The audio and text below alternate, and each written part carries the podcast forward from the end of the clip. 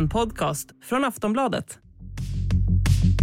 Aj, aj, aj, aj, aj. Nu brinner topplocket på folk i miljörörelsen.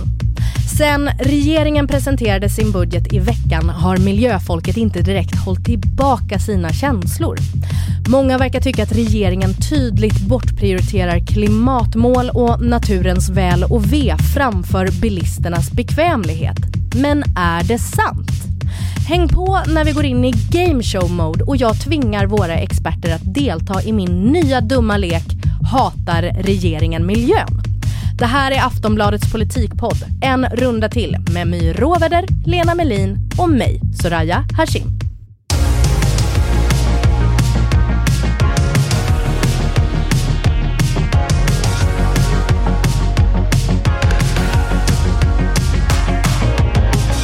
My och Lena, så fint att se er igen. Hej. Detsamma. I veckan så gjorde ju Ulf Kristersson sin verkliga internationella debut. Han har ju såklart redan varit eh, på EU-toppmöte i Bryssel och hälsat på i Finland, men nu var det liksom Turkiet som stod på menyn. Kristersson höll gemensam presskonferens med president Erdogan i Ankara där de lyfte de väldigt goda relationerna mellan våra länder i princip. Det som kom fram var väl kanske inte super, super konkret egentligen. Men jag är nyfiken på vad ni tyckte om Kristersson i rollen. Alltså hur tycker ni han skötte sig rent statsmannamässigt? Jag tyckte han gjorde två bra grejer. Han sa Turkiet hela tiden och inte Turkey eftersom Turkiet inte vill bli kallad för Turkey. The Republic of Turkey. Och eh, sen så eh, svarade han på det mest utsökta ordbajseriset på frågor som han tyckte var besvärliga.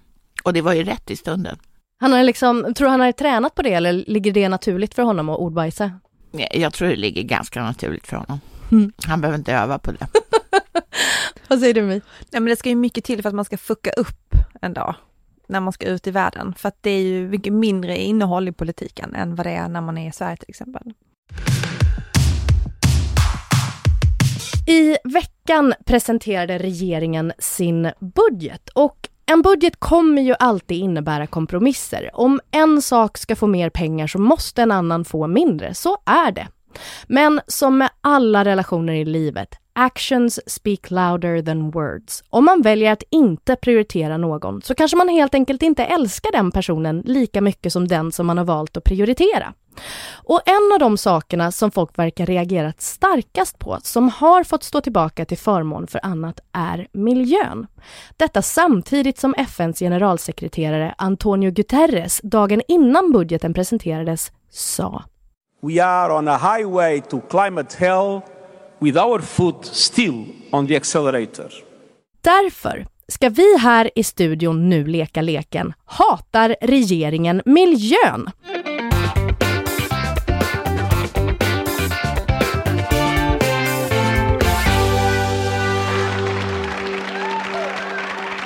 Jag kommer dra några exempel för er, My och Lena.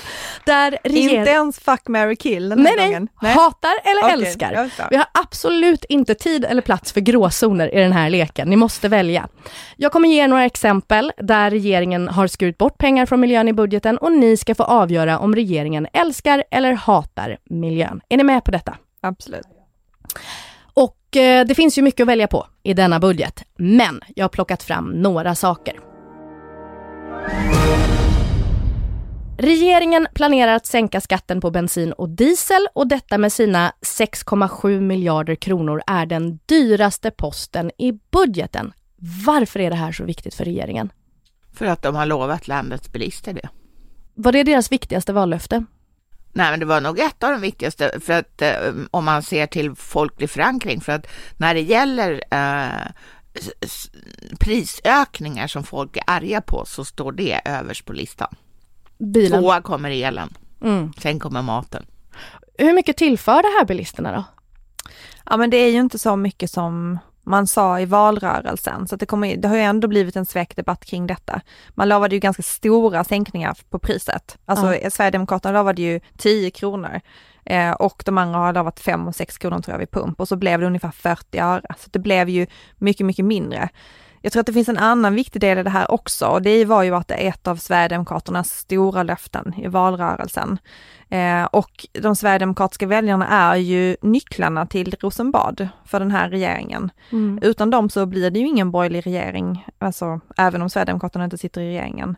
Eh, och det här är ju en väljargrupp som de borgerliga partierna kanske inte är så vana vid att eh, ha relationer till. Det är ju eh, arbetarmän på landsbygd, stora delar, för detta socialdemokrater. Det är ju, vad ska man säga, inte eh, Liberalernas väljargrupp.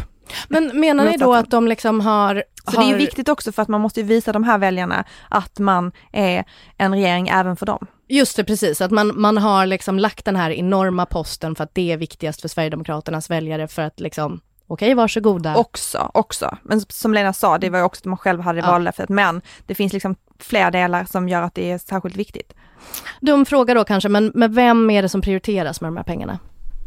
Ja, det är ju bil, de som har, eh, kör bil på, på fossila bränslen. Och de som gör det mest är de som bor i Stockholms län. De kör längst. För man hade ju kunnat tänka att det handlar om människor som bor i orter som har långa avstånd och så. Ja, men de kör kortare för de har inte så långt till jobbet för det mesta. Det finns ju olika näringar också som är beroende av bränsle, till exempel åkerinäring, lantbruk, eh, där, man, där det också har blivit stora omkostnader, både elen och bränslet. Så att det, fiskeindustrin, alltså det finns ju näringar som också är beroende av bränsle, inte bara bilister. Men samtidigt var du inne på det att det blir inte så mycket pengar i plånboken ändå. Nej, det blev inte det nu, nej.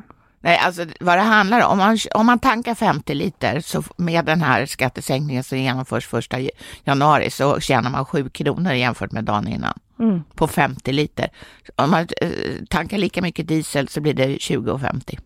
Men, Men så kommer steg två eh, året därpå mm. och det är det som regeringen sätter sitt hopp till. Att, då, att det ska bli möjligt att sänka den här inblandningen av biobränslen i, i eh, fossila bränslen. Att EU ger klartecken för en stor sänkning för det. Reduktionsplikten? Ja, precis. Yes. Okej, okay. men, men den som tydligt då inte prioriteras i den här posten är ju miljön såklart. Och nu måste ni välja. Visar den här posten att regeringen älskar eller hatar miljön? Hatar mer än älskar, absolut. Mm, absolut.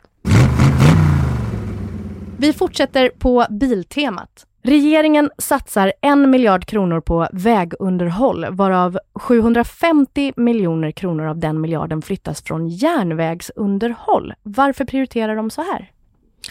Den förklaring som man har gett är att eh, vägunderhåll, eller järnvägsunderhållet hade ändå inte blivit av och det kan man ju tycka är en väldigt konstig förklaring. För hur kan man veta det? Då kan man ju lika gärna säga att vägunderhållet kommer inte heller att bli av för det är ungefär samma människor som ska eh, så att säga göra banorna. Mm, till skillnad, ja, sen när det gäller järnvägen så krävs en del elektriker också. Ja. Hur viktigt är det att satsa på vägunderhållet? Mår vägarna hemskt dåligt? Alltså det är ju en stor fråga i stora delar av Sverige. Ja. Eh, inte minst i norra Sverige där det är långa avstånd och svåra vägunderlag under stora delar av året. Så det här är faktiskt en fråga som är väldigt aktuell ute i landet. Ja. När vi var och reste med Nooshi Dadgostar i Norrland till exempel, så var det det enda som människor pratade om i liksom Gällivare runt Kiruna var ju hur att det är så otroligt dålig infrastruktur och dåliga vägar. Och där uppe så betyder det ju skillnaden till exempel då att föda barn på ett BB ja. eller att föda barn barn i bilen på vägen till BB för att du inte kan köra tillräckligt fort för att det är så dåliga vägar. Så det är ju klart att det här är en stor fråga för, för människor också. Mm. Eh, precis som järnvägsunderhållet, för det är ju en stor del för människor som försöker pendla med att åka tåg till exempel och som inte kommer fram i tid. Ja precis, vad får detta för effekt för de som pendlar kollektivt istället för att ta bilen? Jag tror att det man ska se det, om man ska se det klimatmässigt, så är den stora bristen eller, eller missen i, i det här fallet är ju att, att eh, de som transporterar sitt gods på järnväg kommer ju, de, de vill ju ha sin, eh, till industrier till exempel som jobbar efter just in time-principen, de använder inte järnvägen. Och alltså så missar vi ju att transportera en jättemassa gods otroligt miljövänligt jämfört med en skitstor lastbil. Mm. Så dags att välja då. Visar den här prioriteringen i budgeten att regeringen älskar eller hatar miljön? Hatar. mm, tycker, tycker sämre om nej, nej, miljön. Nej, nej, inga gråzoner. nope. Hatar, vi tar hatar. Ja.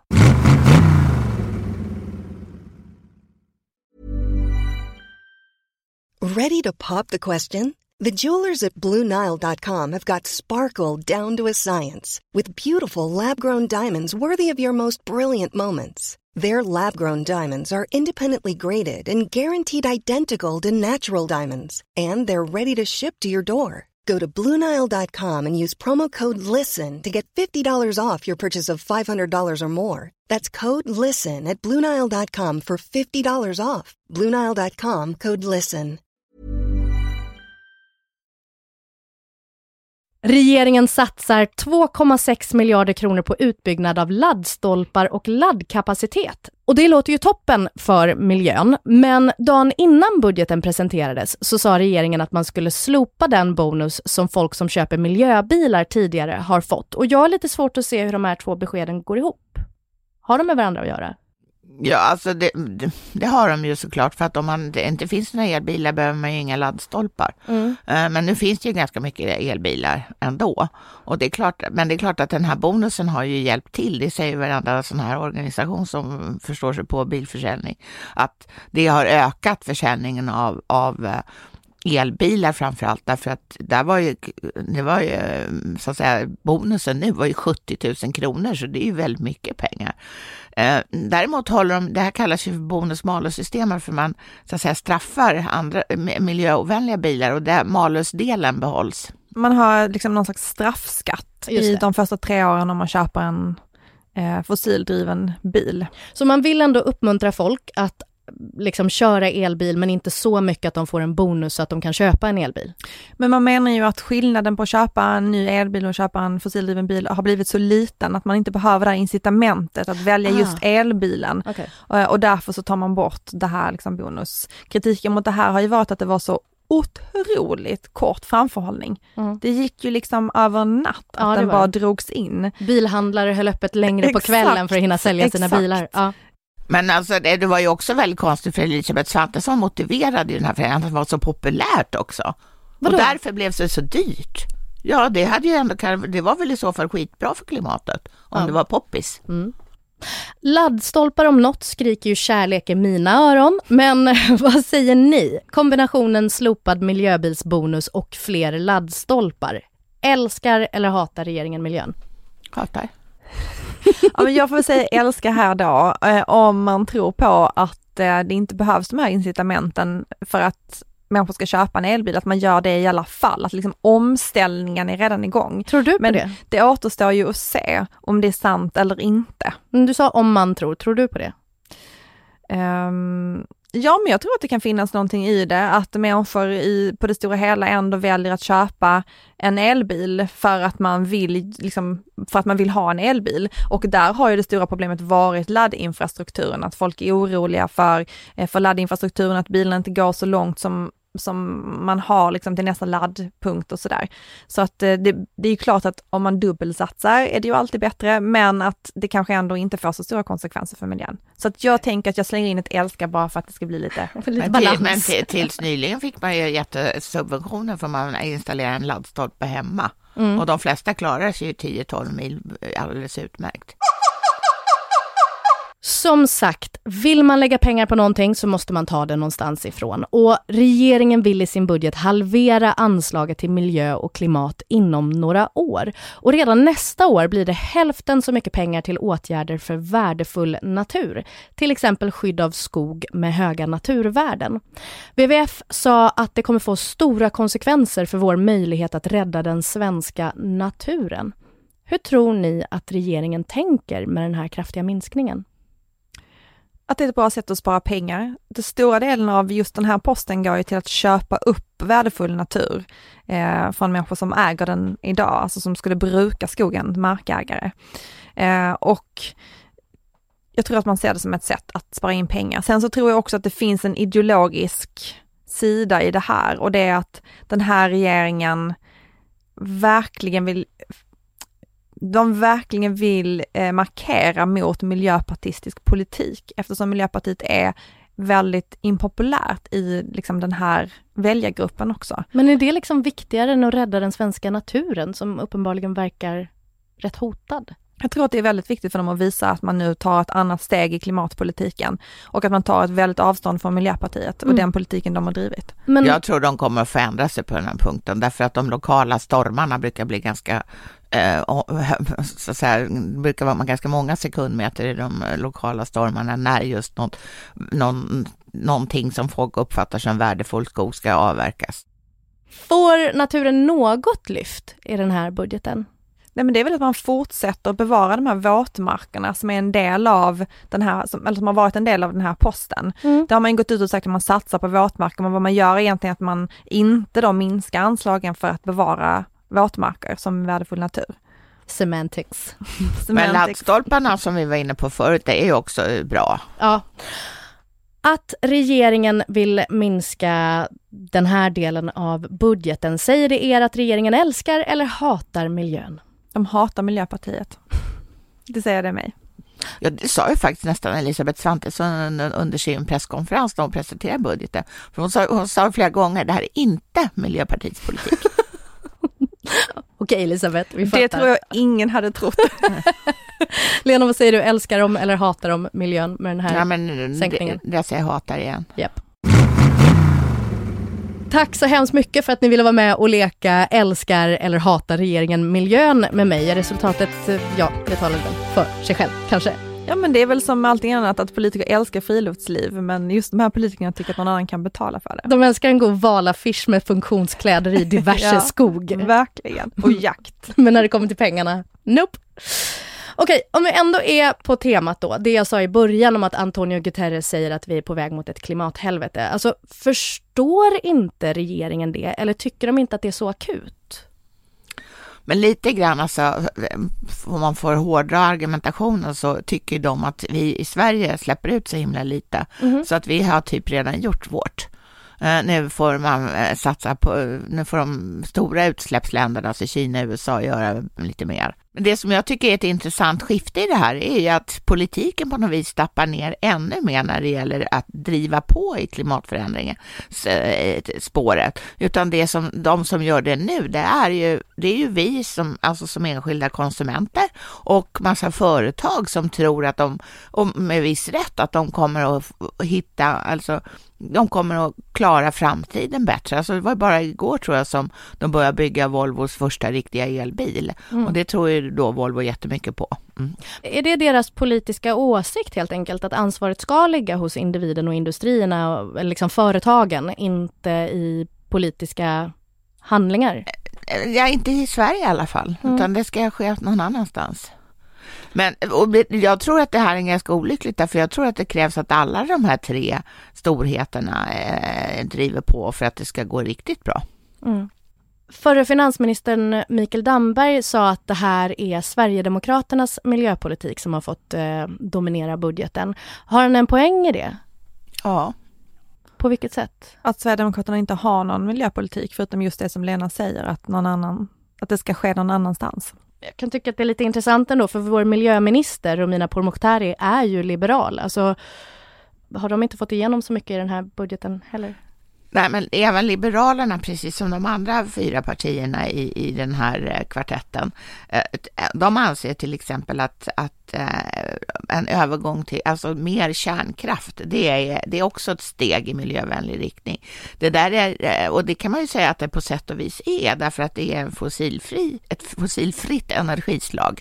Men det som är, inte är så miljövänligt är ju användningen av uran och dels brytningen men också sen förvaringen av det här eh, utbrända bränslet. Så att eh, och man kan ju också tycka att det kan bidra till en uppvärmning av, eh, av kylvattnet, alltså det som används i Sverige är ju det havsvatten. Så det finns ju klimatmässiga avigsidor som dock inte framhålls av den här regeringen, utan de, de tycker att kärnkraft det är toppen, det är det grönaste som finns. Men det är många andra som inte har den uppfattningen. Nej men precis, så, så om man ska sammanfatta det så är det liksom det. Vi har gjort vårt, vad vi ska satsa på i så fall är kärnkraft. Ja. Okej. Okay. Hur, hur, tycker ni i övrigt att det går för eh, Romina Pourmokhtari? Lena, du var ju lite orolig för henne för två veckor sedan tror jag, när vi pratade om det, att hon skulle få det väldigt tufft på jobbet. Hur går det? Ja, hittills måste jag säga att hon har bitit ifrån så gott hon kan. Och och med de mest underliga argument som till exempel så, så ja, vi har mindre pengar här nu i, i miljö och klimatbudgeten, men då får vi jobba på ett annat sätt. Och då undrar man, ja, hur då? Det kunde hon inte gå in på. Vi får se sen. Ja.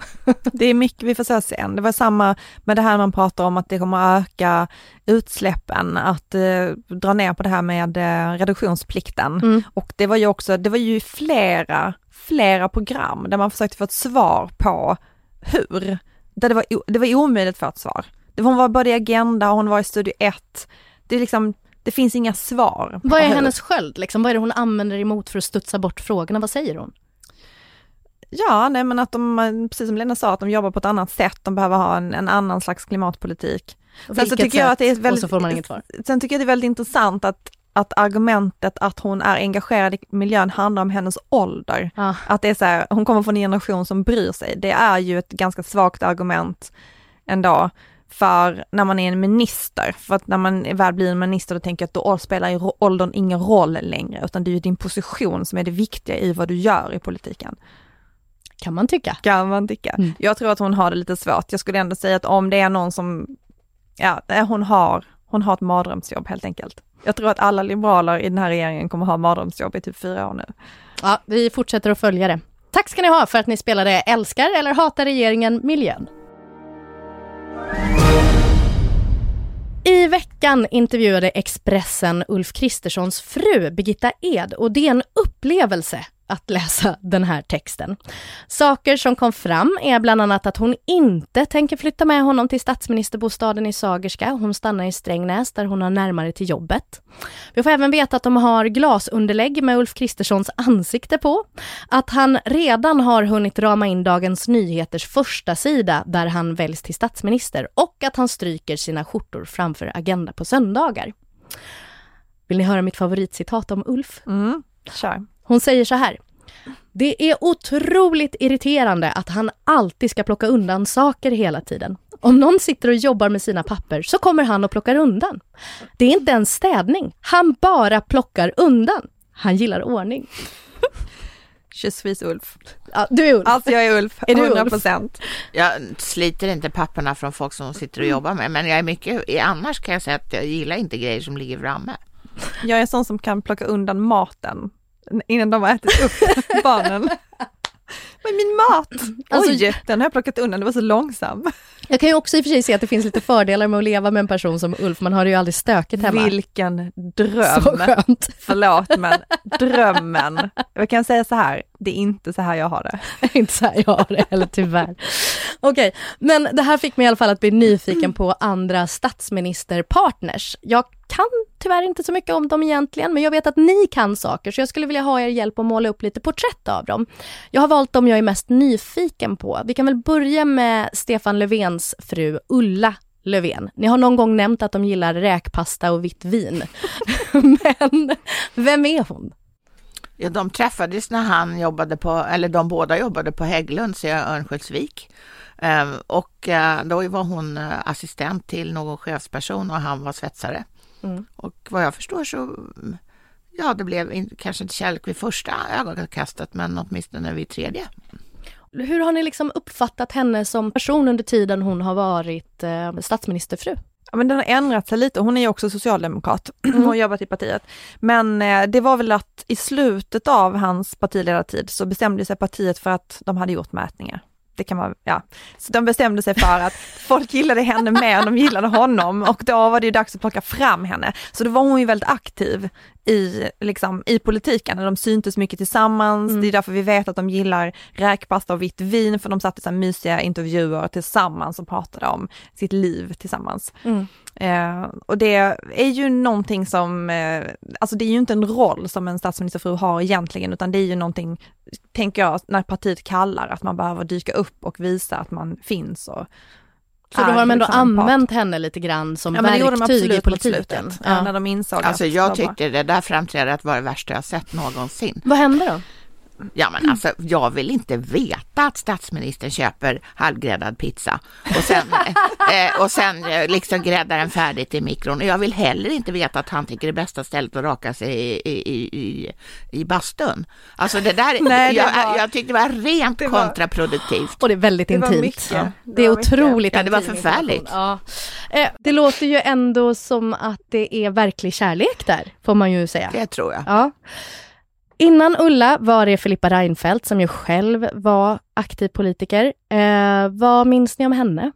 gick ju inte komma i närheten av henne som journalist utan att hamna i hennes sociala medier. Hon var ju väldigt tidig med det. Aha, alltså Men att hon fotade journalisten som skulle intervjua henne? Ja, precis. Alltså, in, där man fortfarande var lite ovan vid att man hamnade i sociala medier när man gjorde intervjuer och sånt, så var det ju, så gjorde man ju det om man kom i närheten av henne. Men, men hon var ju själv politiker. Användes hon liksom i, i rollen som statsministerfru också i politiken? Alltså jag vänder mig mot det här begreppet statsministerfru. Mm.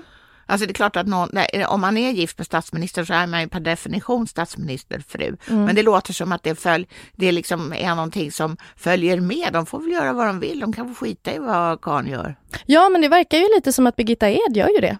Hon lever ju sitt eget liv. jag tycker hon gör rätt. Ja, men jag tänker liksom Filippa Reinfeldt var ju sjukvårdslandstingsråd i Stockholm samtidigt som hennes man var statsminister. Men Mm. var det någonting som liksom hon på något sätt använde sig av Moderaterna för att lyfta fram eh, Fredrik Reinfeldt någonting? Fick Hon liksom... fick väl snarare jättemycket bashing för det allting hon höll på med när det gällde sjukvården i Stockholm. Mm. Till exempel den här förfärliga ombyggnaden eller nybyggnaden av eh, Karolinska sjukhuset. Sveriges mest populära byggnad. Ja, Mm. så att jag, jag tyckte inte att hon hade några fördelar av någonting egentligen. Nej. Göran Persson, han har två fruar medan han satt på posten, men vi tar en lite kändare av dem. Fru Skilsmässa är ju ett genomgående tema. Det, så är det. Ja. Det kanske säger någonting om arbetsuppgiften att vara statsminister. Eh, fru nummer två, men egentligen nummer tre eftersom han var gift med en annan kvinna innan han blev statsminister. Anitra Sten som då var VD för Systembolaget. Hur minns ni henne? Alltså hon har ju en ganska lång eh, vad ska jag säga, politisk tjänstemannakarriär bakom sig, eller hade när hon blev vd för, för eh, Systembolaget. Mm. Och ehm, så att jag minns kanske henne mer som statssekreterare på, i olika departement. Men sen när hon blev vd för eh, Systembolaget så var, så var väl hon som, eller i alla fall under hennes tid som den här lite mer kundanpassade, det lite mer kundanpassade Systembolaget eh, så att säga, såg dagens ljus. Att man inte behövde stå i en jättelång kö och få en brun påse. Jag måste säga att en sak som verkligen imponerade mig med Göran Persson när jag djupdök här i hans äktenskap, det var ju att han har varit, haft tre relativt långa äktenskap. Mm. Eh, han har ju då två barn med sin första fru. Eh, de var gifta i 16 år. Han var gift med, vad var det hon hette nu? Hon, den här Annika. Annika. Eh, eh, han var då gift andra gången åtta år. Men, eh, och sen så har han nu varit gift med Anitra Sten i eh, ja, men nästan 20 år. Eh, och att det här med att orka gå in och börja om i de här långa äktenskapliga relationerna. Men han Det slår mig inte som en man som inte har ork. Alltså ork tror jag finns ändå i denna kar. Men sen har ju de ett jätteroligt gemensamt projekt faktiskt. Det är ju den här gården som de bor på. Just det ja. Vad gör de där? Ja, de har hundra kor och massa skog. Det räcker nog. det är en del. Mm. Men eh, när jag tänker på Anitra Sten som namn så, så får jag framför mig en bild av någon som är ganska rivig. Alltså är det en felaktig bild? Jag vet inte riktigt varför jag har den. Ja, men det skulle jag säga. Systembolaget var ju lite i blåsväder under, henne, eh, under den tiden som hon Just var vd och Mm. då är det klart att hon, hon var, var ute i offentlighetens ljus. Som statssekreterare är man ju inte det på samma sätt. Men det är klart att hon var ju väldigt duktig på det hon gjorde Mm. och är säkert fortfarande. Så att det, det, det kunde ju hända att man fick eh, ett litet samtal med henne för att reda ut saker och ting. Mm. Och det var alltid väldigt givande. Så om det var så att ni skulle vara statsminister och var tvungna att välja att ha en av de här som fru, vem hade ni valt? Ulla, Filippa, Anitra eller Birgitta? Ja men alltså förlåt, men har vi inte bara inte tagit med den mest uppiggande Säg. Anna Maria Corazza Bildt? Men hon var inte gift med Bildt under tiden han var statsminister, Nej, det är men därför jag inte tycker tog med ändå att henne. det måste räknas in faktiskt. Varför älskar du henne?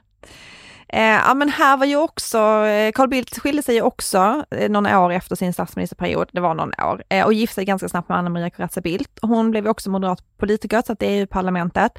Och sen så petades hon ju ganska spektakulärt från den här posten. Och det ja, tog, från valbar plats från valbar plats, ja precis. Och hon tog inte det här på ett lättsamt sätt. Mhm. eh, kan man säga.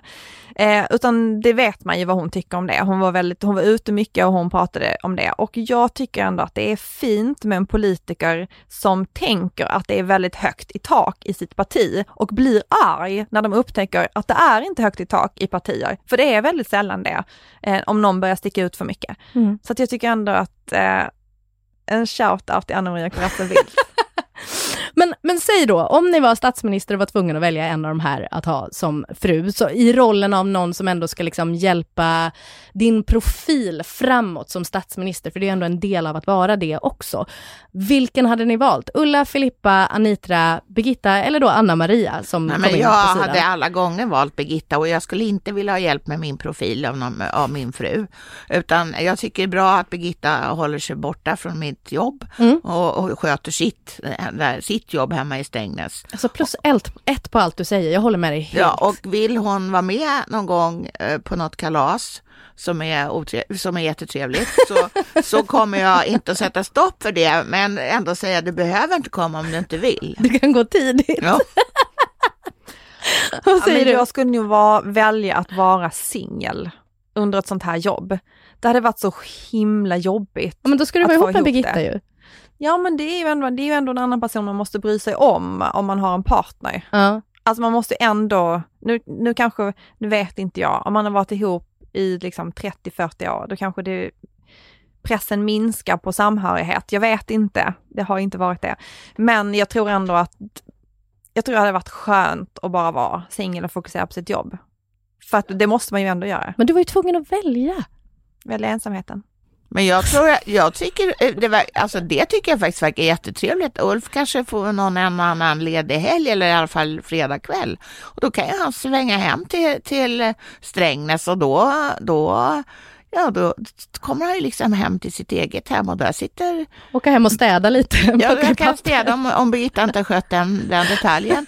Och eh, så ja, glider han in där och allt är som vanligt. Jag tycker det låter toppen. Ja, jag håller var- helt med dig. En storsint fru. Vad sa du? Hej, här är du, välkommen! Kul, Kul ses. att du är. Men vadå, hon verkar jätteengagerad i sitt jobb också. Ja, hon har väl absolut. inte tid för honom och hålla på och Absolut. svassa efter honom? Nej, men hon har väl i alla fall inte tid att pendla mellan Stockholm och Strängnäs. Nej. Snälla. Men hon, alltså för, för det Leave sa de också, alone. det sa de också i den här artikeln, att de bor precis vid domkyrkan. Och de bor ju verkligen precis vid domkyrkan. Ja. För att vi har, jag har varit Strängnäs. Titta. Vet man, man åker dit och tittar på domkyrkan. Hörrni, tack så jättemycket för idag. Vi i en runda till tackar för oss för den här gången och med vi så menar jag producent Olivia Svensson, experter My Råväder och Lena Melin och jag heter Soraya Hashim. Vi hörs nästa vecka. Hej då!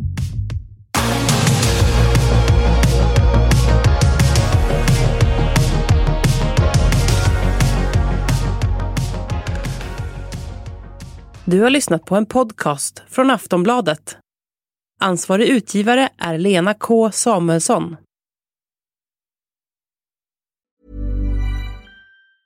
When you're ready to pop the question, the last thing you want to do is second guess the ring. At Bluenile.com, you can design a one of a kind ring with the ease and convenience of shopping online. Choose your diamond and setting. When you find the one, you'll get it delivered right to your door. Go to Bluenile.com and use promo code LISTEN to get $50 off your purchase of $500 or more. That's code LISTEN at Bluenile.com for $50 off your purchase. Bluenile.com code LISTEN.